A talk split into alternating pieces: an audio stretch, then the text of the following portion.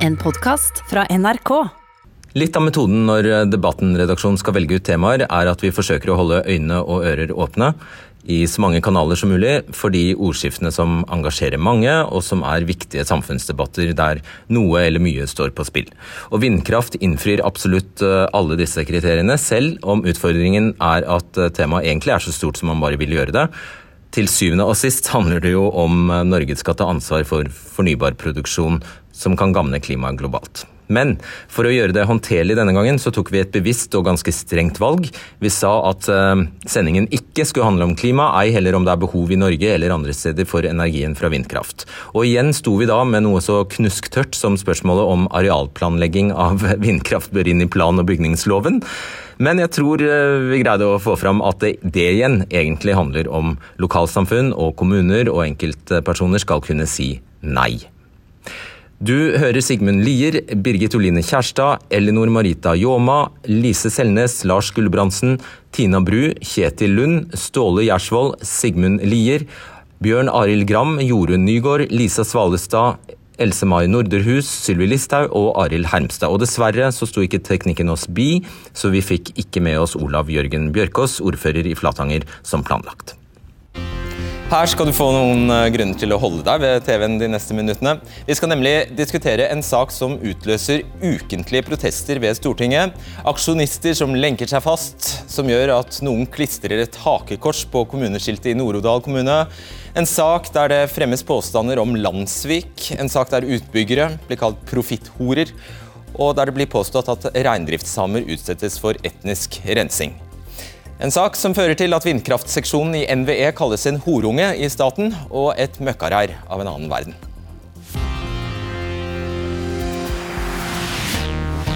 Velkommen til debatten.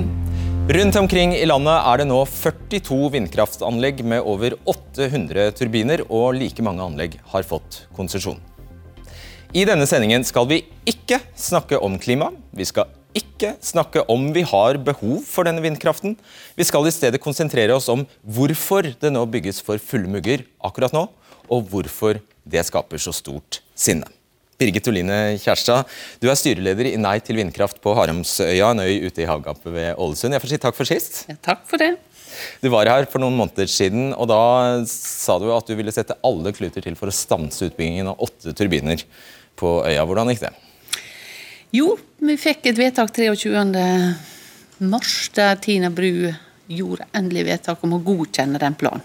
Ja, så, så vi vant ikke, vann, vann ikke fram, men Haram kommune og vi fikk rett i at det var grove saksbehandlingsfeil, Så vi er ikke gitt opp håp ennå.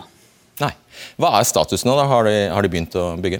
Eh, Befolkninga står skulder ved skulder, unge og gamle, prøver å stoppe maskinene og legge press på politikerne om at denne saka her, den må settes på vent til rettsprosessen er avklart. Ja, for der har dere altså tydd til sivil ulydighet, som du sier det lenkes og det voltes og festes. Ja, altså vi opplever at dette her er et overgrep mot dette lokalsamfunnet med den gamle konsesjonen. Og det er så mange prinsipielle spørsmål i denne saka som bør takes til retten for å på en måte rister litt i staten i denne saka.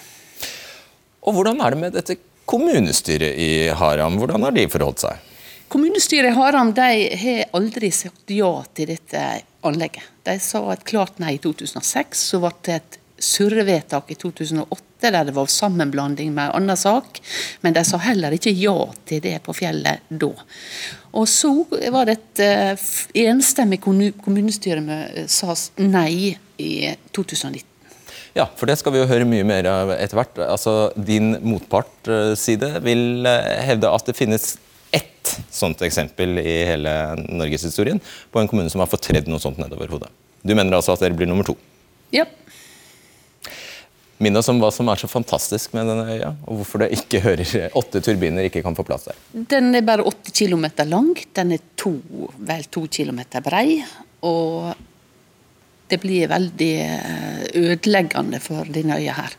Den, det er friluftsområdene våre, og det er fuglefredningsområde på tre kanter. Så dette er ikke plassen. Takk. Da Lise Selnes, du er ordfører i Nord-Odal eh, kommune for Arbeiderpartiet. Det var faktisk ditt kommuneskilt vi så her i sted som påklistret et hakekors. Det er ikke særlig hyggelig? Nei, sånne ting er ikke hyggelig. Eh, jeg tror faktisk både motstandere og tilhengere av vindkraftprosjektet i Nord-Odal syns dette er helt forkastelig. Da har det vel gått for langt? Det har gått veldig for langt. Det er helt klart. Og hvorfor har det blitt sånn? Altså, Vindkraftsaker skapa et enormt engasjement, så òg i Nord-Odal. Eh, første gangen vi hørte om det, var i 2011. Eh, og I starten så tror jeg de fleste i Nord-Odalen syntes det var spennende med vindkraft, og visste egentlig ikke hva det var. Og jeg sjøl som nyvalgt ordfører, som heller ikke hadde hørt om vindkraft før, kunne like gjerne opplevd eh, at det ble bestemt at vi skulle bore etter olje i en av innsjøene våre. Det var helt usannsynlig at vindkraft skulle komme til oss. Etter hvert så vokste motstanden i Nord-Odal.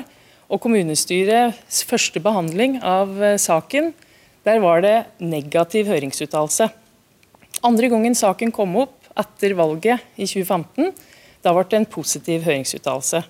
Jeg har sjøl stemt nei begge ganger, men nå som ordfører så støtter jeg jo lojalt opp om det vedtaket som kommunestyret har gjort, og som også har ført til at eh, kraftselskapet har fått konsesjon.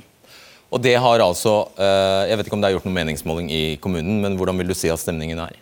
Altså Jeg er jo fortsatt ordfører. Motstandere prøvde virkelig å hindre Arbeiderpartiet fra fortsatt få ordføreren. For det var mange i Arbeiderpartiet som stemte før. Vi var et delt parti. Eh, så kanskje det er omtrent 50-50 for og imot. Jeg vet ikke. Mange som er tilhengere av vindkraft, vegrer seg òg for å gå inn i debatten, for det er et så hard temperatur i vindkraftdebatten. Hva syns du om prosessen? Prosessen er lang. Eh, og det er vanskelig for folk å forklare hva som er kommunens ansvar og hva som er det nasjonale ansvaret. Eh, vi er en høringspart i, eh, i selve prosessen sammen med veldig mange andre. Faktisk alle kan sende inn høringssvar på vindkraftprosjekter. I tillegg så behandler vi jo saken etter plan- og bygningsloven. Første gangen så sa vi nei etter plan- og bygningsloven, og det har vært påklaga. og ble, eh, vi fikk beskjed om at vi måtte si ja, for energiloven trumfa. Det var sånn vi opplevde det da, fra Fylkesmannen. Andre gangen så hadde vi jo en positiv høringsuttalelse, og da sa vi også selvsagt ja etter den erfaringa vi hadde sist. Så Det er sånn kommunen er inne og håndterer det. Det er nasjonale konsesjoner som gitt, blir gitt. Og Det er viktig for oss lokalpolitikere som står i krigen, at òg nasjonale politikere går inn og mener noe og støtter om i de tøffe kampene som er i mange kommuner. La oss håpe de hører det. Takk skal du ha. Da skal jeg henvende meg til deg, Elinor Marita Ljåma. Du er leder i Norske reindriftssamers landsforbund og vært kritisk til utbyggingene eh, bl.a. på Øyfjellet i Vefsn i Nordland. Hvorfor det? Nei, Det er flere årsaker til det. Eh, vi har eh, fra reindriftas side gjennom veldig veldig mange år stått i kampen mot eh, vindkraftutbygging, som vi mener er den absolutt største trusselen i forhold til vårt beitegrunnlag. Så vi har nulltoleranse for at det skal etableres i områder som vil komme i konflikt med reindrifta sine beitearealer.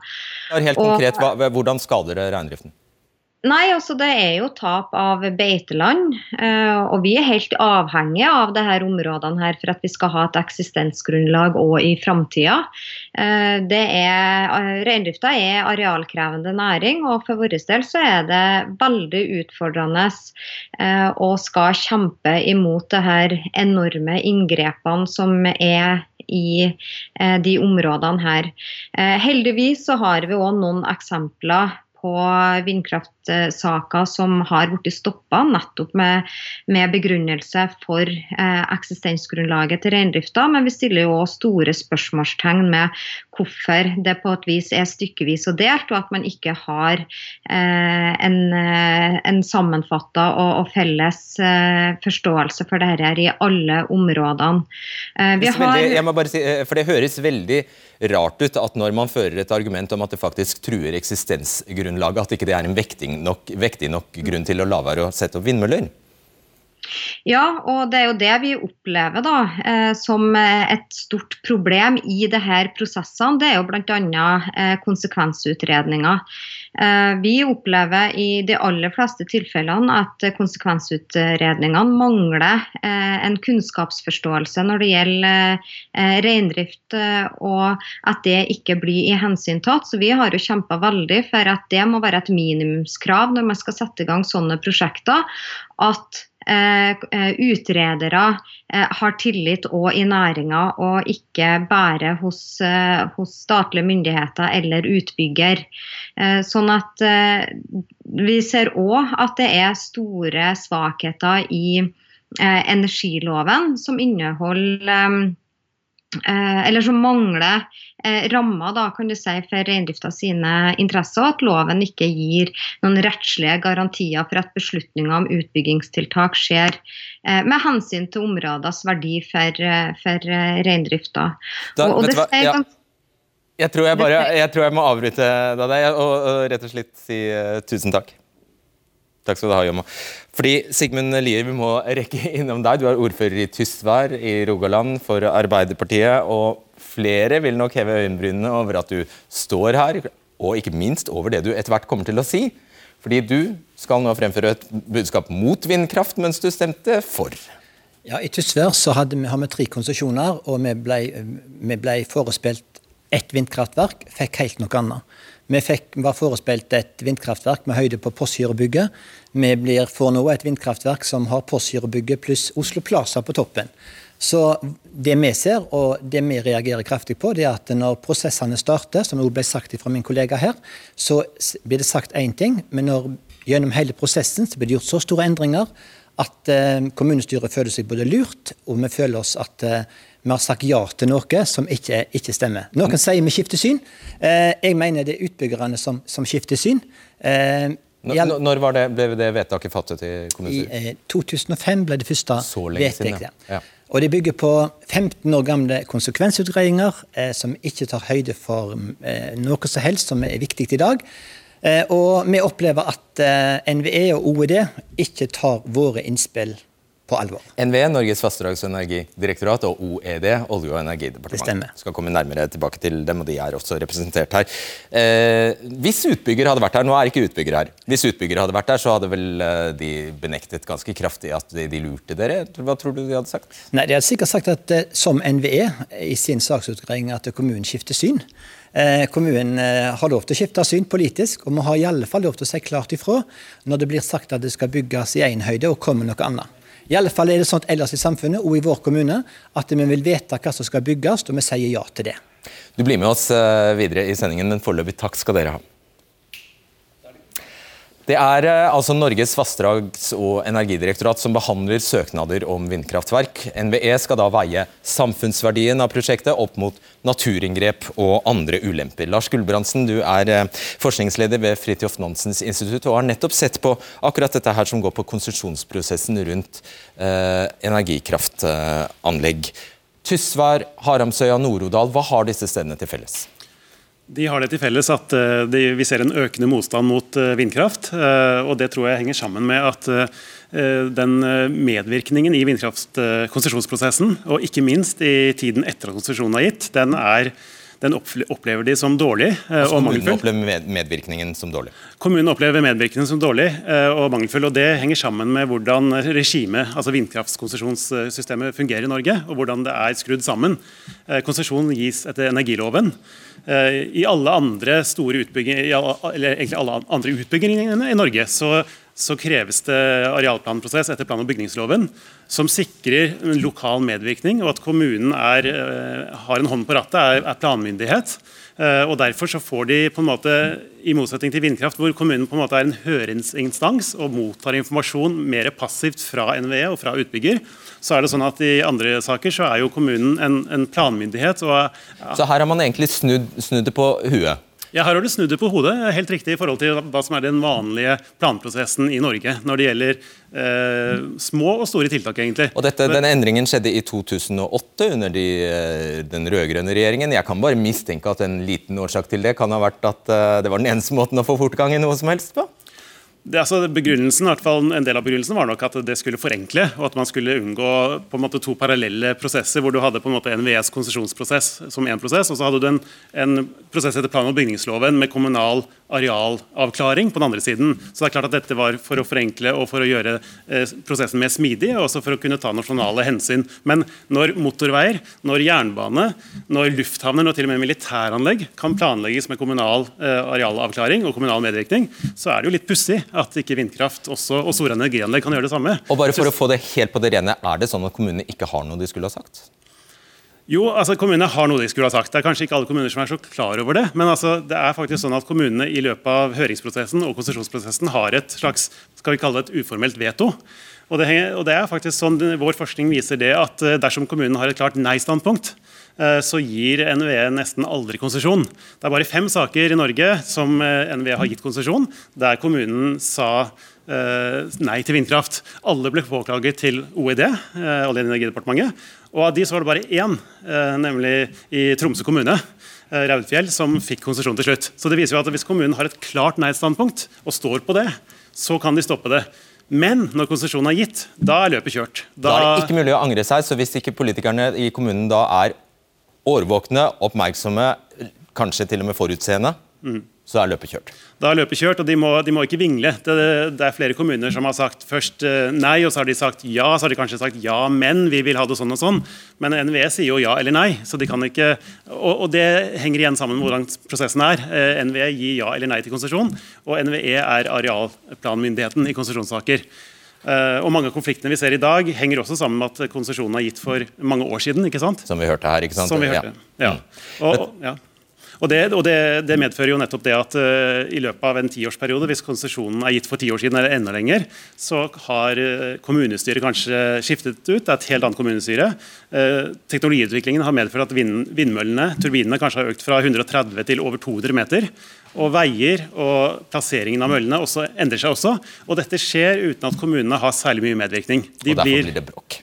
Derfor blir det bråk, og det er jo egentlig ikke så vanskelig å forstå når folk eh, ser hva som ligger i konsesjonssøknaden, én ting, og så blir de presentert noe helt annet eh, ti, eller kanskje så mye som 12-15 år etterpå. Takk skal du ha, Lars Gulbrandsen.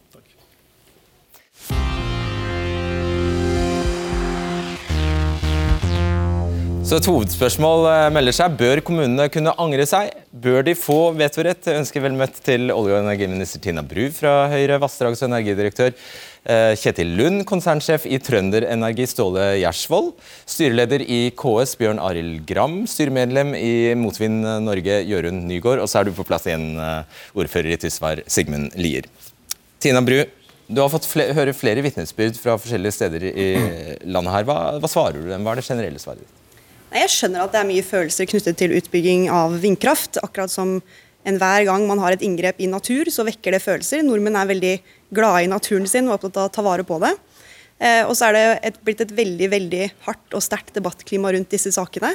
Så jeg skjønner at det er vanskelig, eh, men det er viktig å huske på at eh, vindkraftpolitikken som føres i Norge i dag, er et resultat av langvarig, bredt politisk flertall i Stortinget og i forskjellige regjeringer, fordi man ønsket å bygge vindkraft i Norge. Og Det ser vi resultatet av nå. Det er fordi vi har hatt et subsidiesystem på det, som den rød-grønne regjeringen vedtok i sin tid. I vår regjering så endret vi avskrivningsreglene på vindkraft for å få mer utbygging her istedenfor i Sverige. Og Det har ført til at vi nå ser resultatet av det, og det bygges mange parker. Og nå bygges det ganske mye samtidig. Og Når og du da ser at det er bare rett og slett veldig upopulært, hva gjør du da? Tror, altså, Det er mye som er upopulært, og man må innimellom stå i upopulære ting. Men det jeg er opptatt av er at vi må få ned konfliktnivået i disse sakene.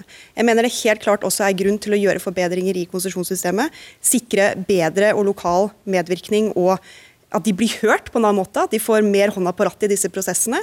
Eh, at vi ikke får sånne prosesser som vi har hatt nå, hvor man gir konsesjon ett år, og så går det ti år før det realiseres. Det skjønner jeg blir gjenstand for konflikt. Sigmund Liv, hva bør hun gjøre? Hun bør eh, stanse alle konsesjoner som er i dag. Uh, hun bør stoppe alle prosesser der det, der det er gitt konsesjon, men det er endra en MTA. Og hun bør sikre MTA. at MTA, en anleggsplan, hvordan, en, hvordan anlegget skal bli. Uh, og hun bør sikre at en ikke har eldre konsekvensutgreiinger enn fem år. I Tysvær er de 15 år, og der mener jeg det er god grunn for statsråden å si at hør her, her må vi ta oss tid til å konsekvensutrede, og så venter vi til det er gjort. Svar kort på det. Ja, det har jo blitt konsekvensutredet. Altså, prosjektet i Tysvær er faktisk et prosjekt som av veldig mange ulike instanser ble påpekt at var veldig skånsomt mot natur. Og så kan man sikkert ha diskusjoner i ettertid på hvordan det har blitt. Men jeg tror det er viktig at når en konsesjon er gitt, så er det en rettighet man har fått. Og det er en forskjell på å si nei til en konsesjon og å komme etterpå og ha ombestemt seg. Vi er tross alt et rettssamfunn. Har man fått en tillatelse, så skal man også få lov til å bygge. Men som sagt så kommer vi jo nå med en stortingsmelding på ja, vindkraft. Men for de prosjektene han vil ha stanset, så sier du det er ikke betalt. Vi kan, ikke betalt. vi kan ikke tilbaketrekke gitte konsesjoner. Det blir også skjedd endringer i disse MTA-planene som det snakkes om. Det er gjort i nesten alle disse tilfellene. Så har man endret for å ta hensyn til det som kommunen også er opptatt av. Okay. Ja, jeg mener at eh, statsråden kan vise til eh, plan- og bygningsloven. Til lovverket vårt så sier det at det skal ikke være eldre konsekvensutgreiinger fem år. Og kunne helt klart ha stoppet både Hamarsøy og kunne stoppe Tysvær kunne stoppet mange flere for å være helt trygge, og at vi hadde oppdaterte utredninger. Og det stemmer ikke det som står at eh, det er godt utredet. Det er stort mangelfulle utredninger og som utbygger har pekt på, spesielt i forhold til naturmangfoldsloven. Du skal få svare på det aldeles straks, men først, eh, Kjetil Lund.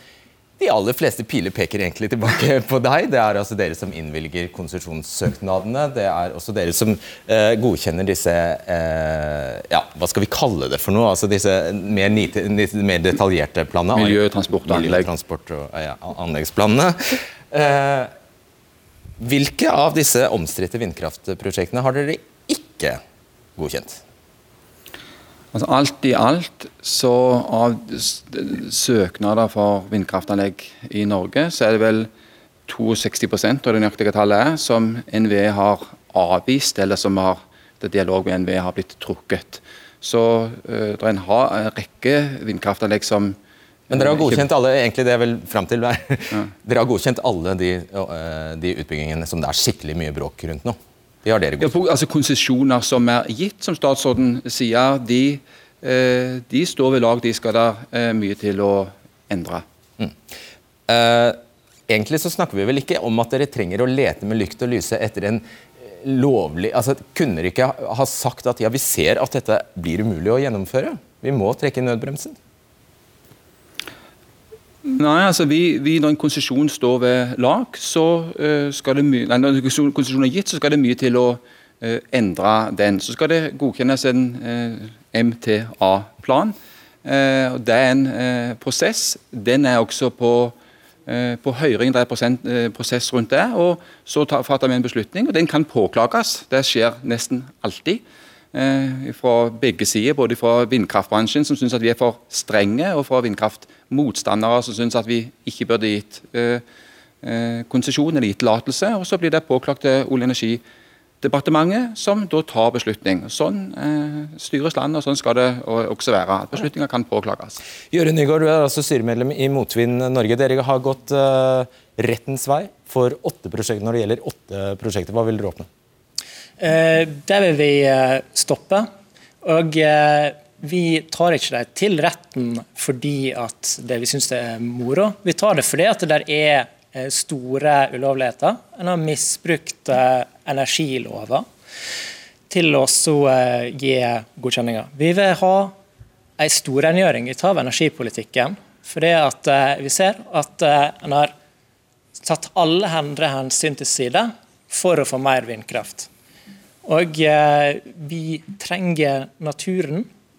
Det er ikke bærekraftig med den utbygginga vi ser i dag.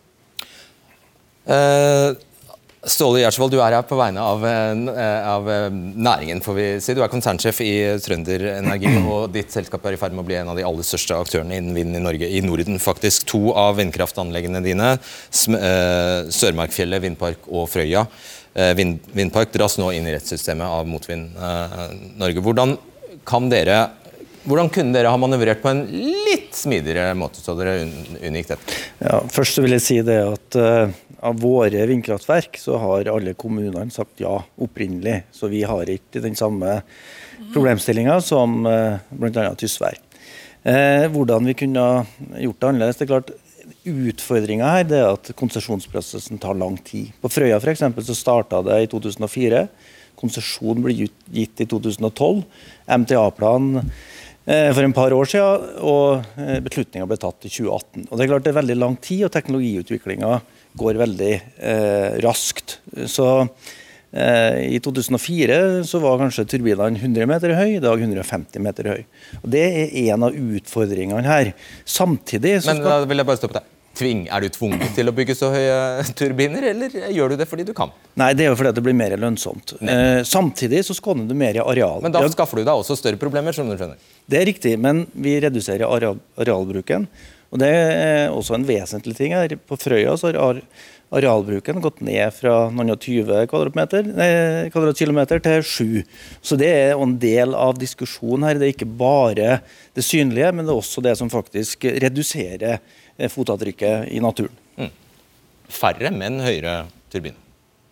Ja, men ofte med større konsekvenser, f.eks. på fugleliv.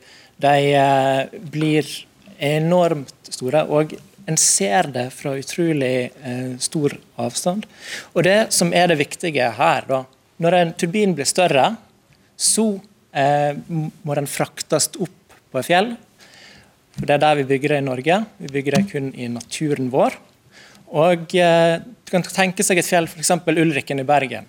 Så skal du ha opp en turbinvinge eh, der, som begynner å bli oppimot 100 meter. Og dette der skal en altså da sprenge sønd det fjellet for å kunne frakte den opp der for å sette den opp.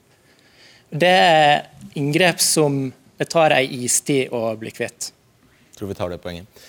Og du skal få svare, men Jeg skal bare introdusere deg, Bjørn Arild Gram. Du er styreleder i KU. Så La oss bare ha det fastslått først som sist. Du er paradoksalt nok da eh, eier av eh, veldig mange av de norske kraftselskapene som vi snakker, her, og, uh, snakker, om her. Men du er faktisk her i et annet ærend. Du skal si at kommunene er, trenger å større medbestemmelse fordi dine egne selskaper gjør gærne ting. Eller noe sånt noe. Det er mange forskjellige eiere i selskapene. Kommunesektoren eier noen av dem. Men det som det er jo mye konflikter i de prosessene, ikke sant? og det vil det nok kanskje bestandig være når vi har uh, ulike samfunnsinteresser som skal veies opp mot noen naturinngrep. Men det er viktig at vi får så mye tillit og legitimitet inn i prosessene som mulig. Og Da tror jeg det er viktig at lokalsamfunnene gjennom sine lokale folkevalgte i kommunestyrene uh, får en annen posisjon når vi driver fram her prosjektene. Hva er konkret da? Nøyaktig hva skal da kommunene få av myndighet som de ikke har i dag? Altså, I Norge i dag er det jo sånn at som vi hørte tidligere, at norske kommuner er arealmyndighet og bestemmer faktisk hvordan alt areal skal brukes. Enten det er store samferdselsprosjekt eller forsvarsanlegg, næringsareal, hva som helst, bortsett fra vindkraft. Og det er ulogisk. Eh, kommune, kommunene burde være i førersetet for disse prosessene, her, også når det gjelder denne type inngrep, og være dem som gjør de vanskelige avveiningene mellom ulike samfunnshensyn. Men det er uklokt og ulogisk at det nå er direktoratet som sitter i førersetet for de prosessene her og reduserer kommunesektoren lokalsamfunnene til høringsinstanser. Ja, Mye vindkraft tror du vi hadde fått da? Nei, Det kommer an på. Det er ulike syn på det her i kommunesektoren om hva man bør bygge ut og ikke. Men poenget er å gi legitimitet inn i prosessen og sikre at det er lokaldemokratiet som gjør de her vanskelige avveiningene. Mm. Før vi fortsetter den, for det er jo noe opp, dere opplagt må svare på, så skal dere få et nytt vitnesbyrd. Vi ønsker velkommen til Lisa Svalestad. Du har i over to år nå levd med denne situasjonen her. Dette er ditt hus i uh, Egersund. Du lever med er det 33 vindturbiner som nærmeste nabo? Det er 33 totalt, ja. Og så ser vi vel sju. Du ser sju av dem. Og denne her, er dette den nærmeste? Den står om lag 500 meter fra mm, huset ditt? Det er den nærmeste. Ja. Jeg regner med du har klagd? Ja, vi fikk jo ikke mulighet til å klage. For når vi fikk den første eller vi hadde hørt det skulle komme et vindkraftverk, og ble fortalt at vi ville skimte en vingespiss lengst nede i sør. Men når utbygger kom på døra med den første informasjonen.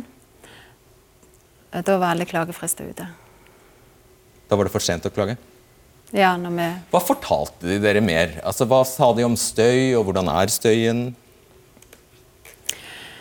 Eh, sånn som vi opplever støyen nå, så er han jo der eh, hele tida. Før trodde jeg at støyen ville komme medvinds på vindturbinene. At vi ville bare ha støy de dagene han sto den veien der. Men vi har i grunnen støy Alltid. Mer eller mindre, alt etter hvor mye det blåser. Hva fortalte de om støynivået? Hvordan skulle det bli, og hvordan hevder de at det er? Og Nei, eh, Han kom jo uanmeldt på besøk, og så husker jeg han gikk opp i hagen og så kikket han oppover mot fjellet der og så sier han, jeg tror ikke dere kommer til å se dem. Jeg tror mest sannsynlig dere ikke vil høre noe. For myndighetene er så strenge grenser så de måtte forholde seg til. Og så sa han de hadde valgt de mest eh, støysvake turbinene på markedet. Kan du beskrive det for oss andre som ikke har opplevd det? Hva, hva, hva kan du sammenligne det med? Jeg vil sammenligne det med lyden av et fly som flyr over, bare at det flyr aldri vekk. Ja, Du har jo selvfølgelig forsøkt å nå, nå fram til Norsk Vind, som da er utbyggeren, og selvfølgelig også NVE. Hvordan har det gått?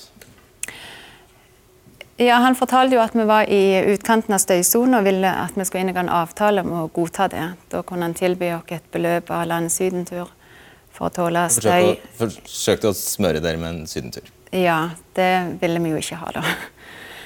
Så, så kontaktet jeg han senere igjen for å spørre litt mer om støy. Hvordan ville det være? Og sånt. Og da sa han at de hadde forholdt seg til at vi ikke ville inngå avtale, så da var vi ikke lenger i støysone.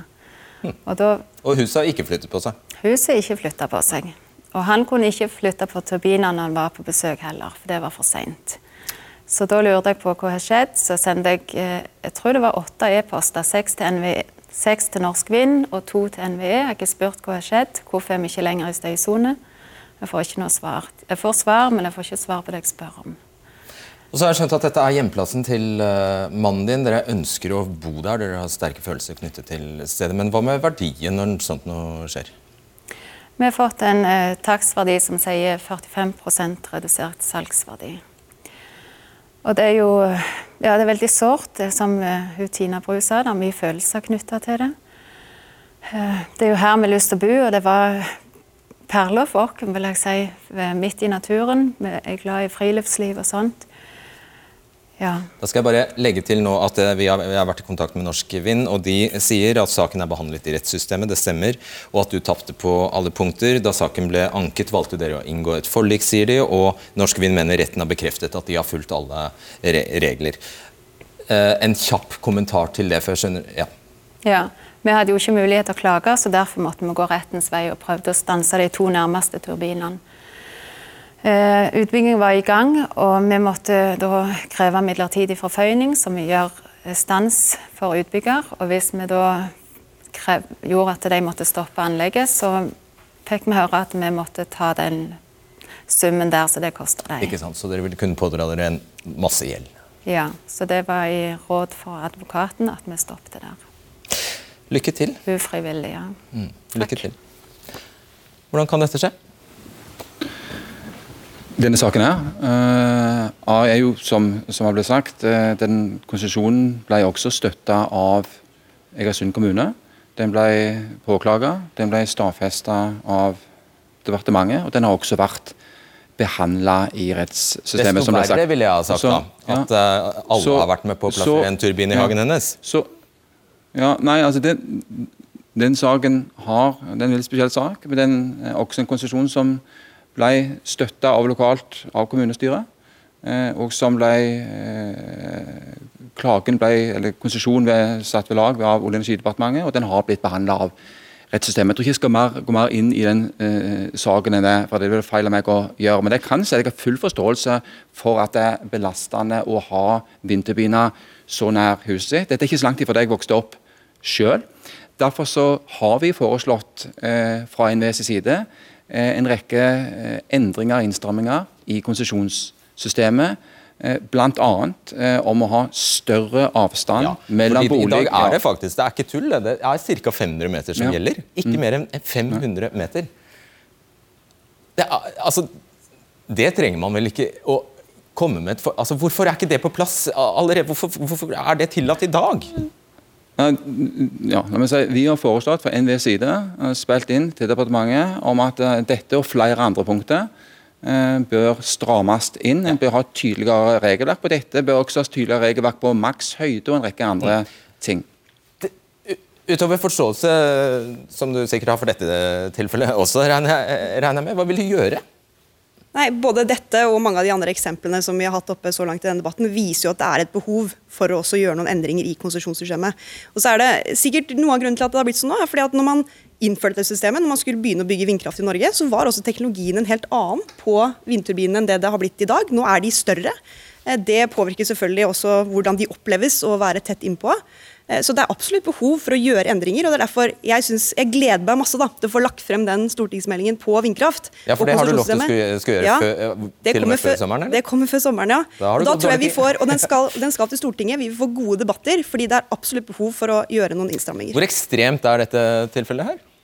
Det er veldig ekstremt, men det er ikke enestående. Og jeg ser eksempelet nå med Haramsøya, der en eh, hel bygd kommer til å, lokalsamfunn kommer til å bli utsatt for å for det første miste all sin eh, friluftslivområde. Bli utsatt for veldig høye støyverdier og tape enormt med verdier i eh, eiendommene sine, som blir da blir overført til en utenlandsk eier. Ja, vet, vet du? Takk for stikkordet. Dere skal få Utenlandske eiere. Det er faktisk sånn at hvor mange, altså Selv om dere er et norsk eh, selskap, så er det sånn at brorparten, 16 av 18 vindkraftutbygginger i Norge, altså forestås av utlendinger. og Det kan være digre utenlandske eh, fond, f.eks. Eh, er det, hvor havner de da, bortsett fra eiendomsskatten som havner i kommunekassen? Hvor havner profitten, hvor havner avkastningen hen? Eh, For vår del så er jo de Ja. samarbeidspartnerne som vi har, så er det norske selskap hvor de betaler skatt til Norge. Så jeg kan Men hvis det er utenlandske, 16, som jeg sa, 16 av 18 selskaper er altså utenlandske, hvor havner de pengene?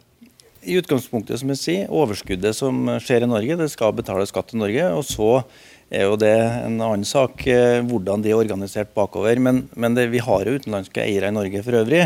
Og her er jo, i motsetning til vannkrafta, så har vi 25 års konsesjoner, og da faller konsesjonen tilbake igjen til Norge. Det er liksom eh, forskjellen på vannkraft og vindkraft. Mm. Eh, Gran, vil du ta tak i dette her, altså det nokså særegne Eller jeg vet ikke hvor særegent det er.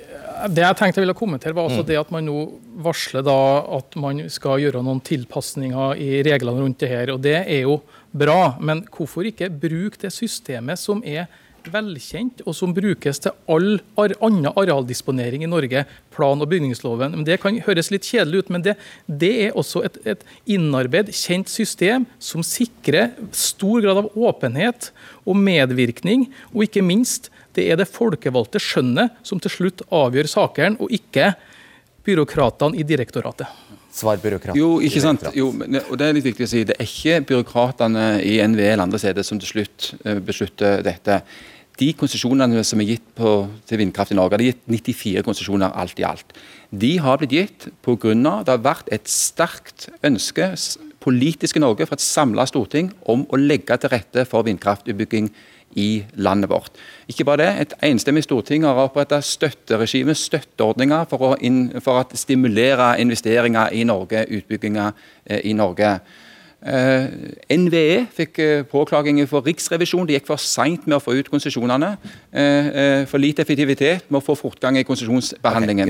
det er bakteppet her som du må ha med. Det er også Stortinget også som bevilger penger når vi skal bygge ut E6-en stamvei gjennom Norge, men det er like fullt den enkelte kommune som er arealmyndighet og, og, og som gjør beslutningene, i samspill med andre statlige etater, men de skjønnsutøvelsen hvor du avveier ulike motstridende samfunnsinteresser, er det lokaldemokratiet som tar, og det burde være logisk at det gjaldt vindkraftanlegg òg.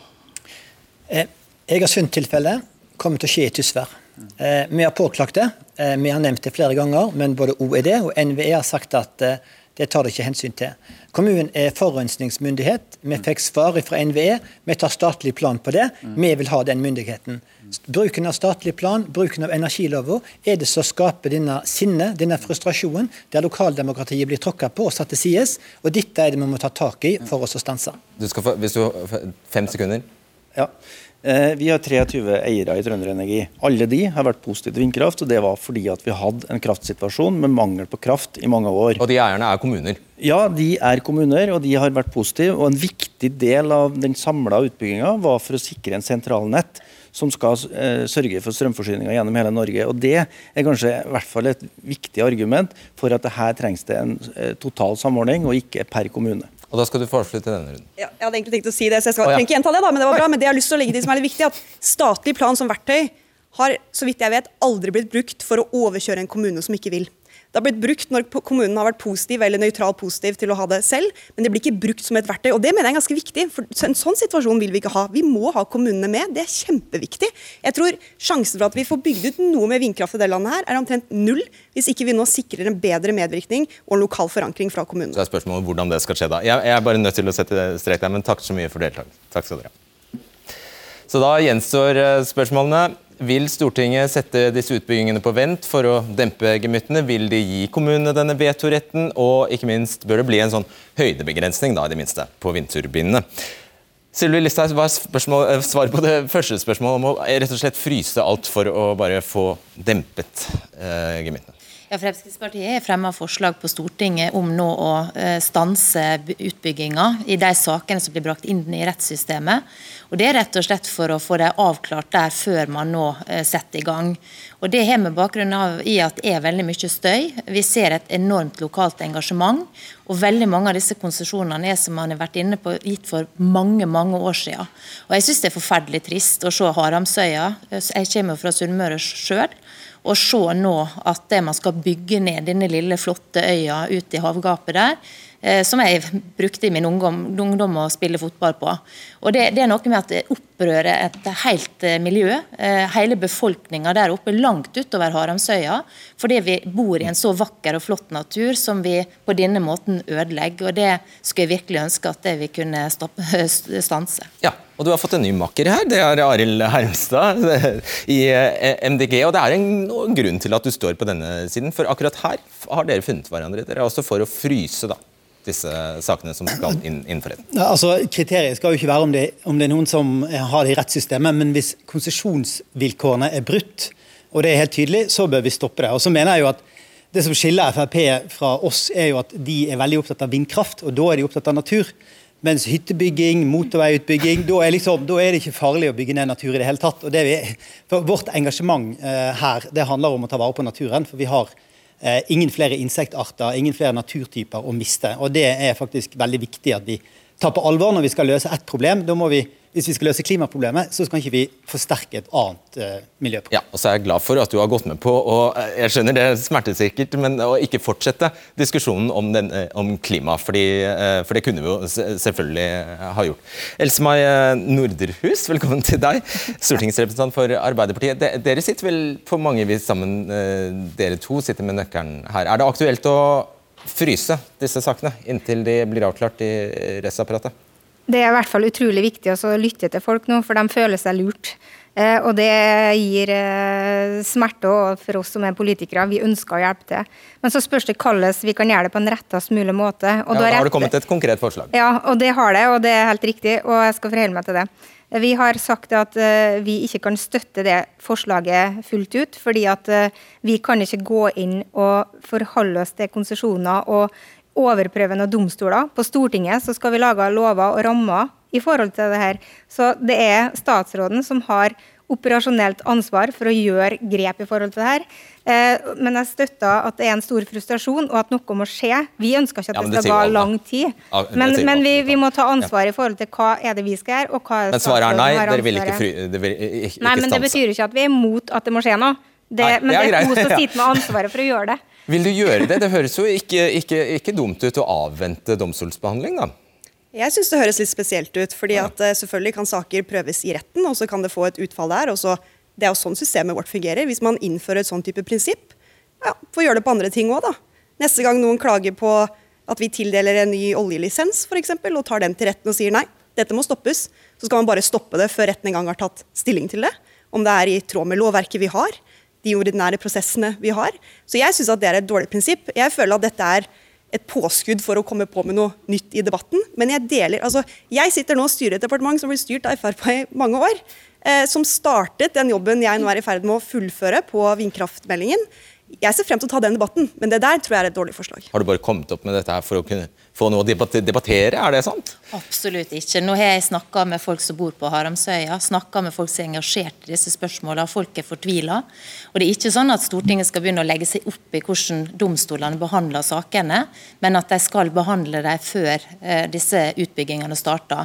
For hvis at eh, domstolene da skulle finne ut at noe var feil i behandlinga, og disse mastene allerede er oppe, så er jo hele poenget ute. Da er jo eh, naturen ødelagt. Eh, og Derfor så er det jo et helt merkelig eh, resonnement syns eh, statsråden her er. Men så vil jeg utfordre Arbeiderpartiet. fordi I Møre og Romsdal så har Arbeiderpartiet fylkesordføreren, som nå har vært utrolig engasjert i denne saka og sagt at dette forslaget til Fremskrittspartiet det bør Arbeiderpartiet på Stortinget støtte. Og De bør være med på å hastebehandle det, slik at vi nå kan få gjort noe med det. Og Jeg håper at Arbeiderpartiets stortingsgruppe nå snur er med oss på å behandle dette forslaget og få gjort noe med dette raskt. Svar kort på det. Ja, det skal jeg gjøre. Det er veldig interessant å høre på ei som har vært statsråd i det departementet som Tina Bru sitter og har ansvaret for nå. Når man ikke har klart å handle politisk eh, i eh, regjering sjøl og sitte i sju år, så er det utrolig godt gjort at to måneder etterpå så skal man, eh, skal man begynne å skyte på domstolene når man ikke har, eh, har, gjort noe politisk. Tina Bru har en kjempeviktig jobb å ta tak i. Vi skal gå inn i det her med ansvar, og vi skal virkelig okay, men da skjønner jeg, det, og det, det, det, blir ikke noe flertall for dette. Altså det, det, tror jeg vi kan faktisk bare konstatere. Det er ikke flertall på Stortinget for å fryse det, fryse disse sakene før de kommer opp. Greit, Da går vi videre til neste tema, som jo er det store vi egentlig har diskutert her, om kommunene bør få veto rett.